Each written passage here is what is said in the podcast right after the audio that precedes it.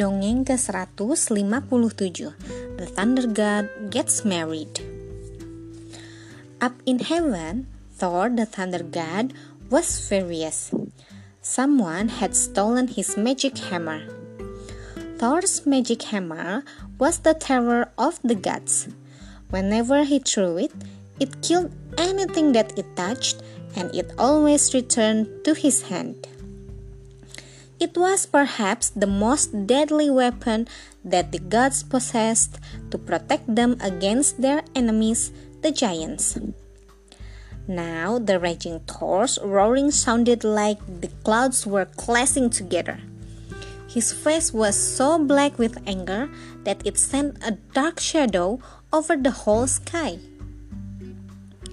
As Thor grabbed blazing lightning bolts and hurled them, the mischief maker god Loki came nervously to see him. I have good news, my angry friend, Loki explained. I have used my cunning to find out that it is the giant Thrym who has stolen your hammer. He has agreed to give it back on one condition that he has the most beautiful of all the goddesses, Freya, as his bride. The thunder god's sulky face brightened a little and he charged off to find Freya straight away. Put on your best dress, Freya, Thor boomed, throwing open her wardrobe doors. You have to marry the giant Thrym so I can get my magic hammer back. Freya's eyes flickered with cold fire. Excuse me, Thor, she said calmly. Would you care to repeat that? You have to marry the giant Thrym so I can get my magic hammer back, the impatient thunder god cried at top speed. Freya stood glaring, her hands on her hips. Firstly, Thor, as the goddess of beauty, I don't have to do anything.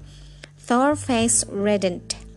Secondly, Freya continued, I wouldn't marry that ugly monster Thrym if he were the only creature left in the world. The ashamed thunder god hung his head. Thirdly, Freya finished, It's your problem. You sort it out. Sorry, Freya, Thor mumbled, shuffling about a bit. Then he turned and stormed back to Loki. The two gods sat down glumly and racked their brains to come up with another way to get back the hammer. How about Thor started to st- suggest? Then he shook his head. No, no, no, no good. What if Loki began? Then his face fell. No, it would never work. It looked as if Thor's magic hammer would have to stay in the land of the giants forever until the god Heimdall had an idea. That's absolutely out of the question, Thor thundered. Outrageous! Loki squealed. I'll never do it. Well, you come out with another plan then, Heimdall laughed, knowing that there wasn't one.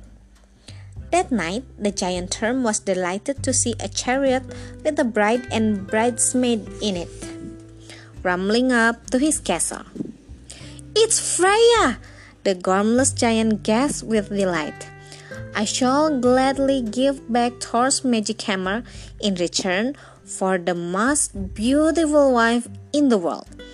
The overjoyed giants commanded a magnificent banquet to be prepared and his guests to be sent for at once. But Thrym wouldn't have been so overjoyed if he could have seen what was underneath the veils of his bride and bridesmaid. The angry, highly embarrassed faces of Thor and Loki. As it was, the giant was far too excited to notice how big and clumsy the bride and bridesmaid looked in their frilly dresses. Thrym didn't take in that the woman had low, gruff voices and huge, hairy hands, and he hardly thought twice about the way that Freya swigged down two whole barrels of beer and ate an entire roast ox. When the guests had eaten and drunk their fill, the beaming Thrym stood up to make a speech. My wife and I, he began, blushing bright red, would like to thank you for celebrating this happy occasion with us. Freya has made me the luckiest being in the whole universe.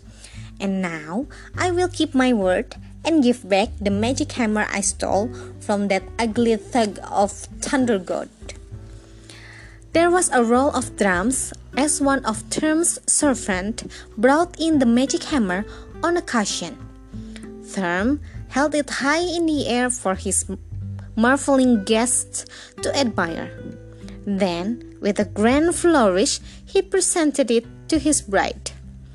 The ugly thug of thunder gods thanks you, roared Thor, ripping off his veil and springing to his feet. And before Thrym and his guests could really take in the trick, they were lying dead on the floor, and the wedding feast was unexpectedly over. All the gods were truly relieved to have the magic hammer back in Thor's hand in heaven, where it belonged but it was a long time before Thor and Loki could laugh with the other gods about how charming they both look in a dress. Sekian, terima kasih telah mendengarkan. Selamat malam.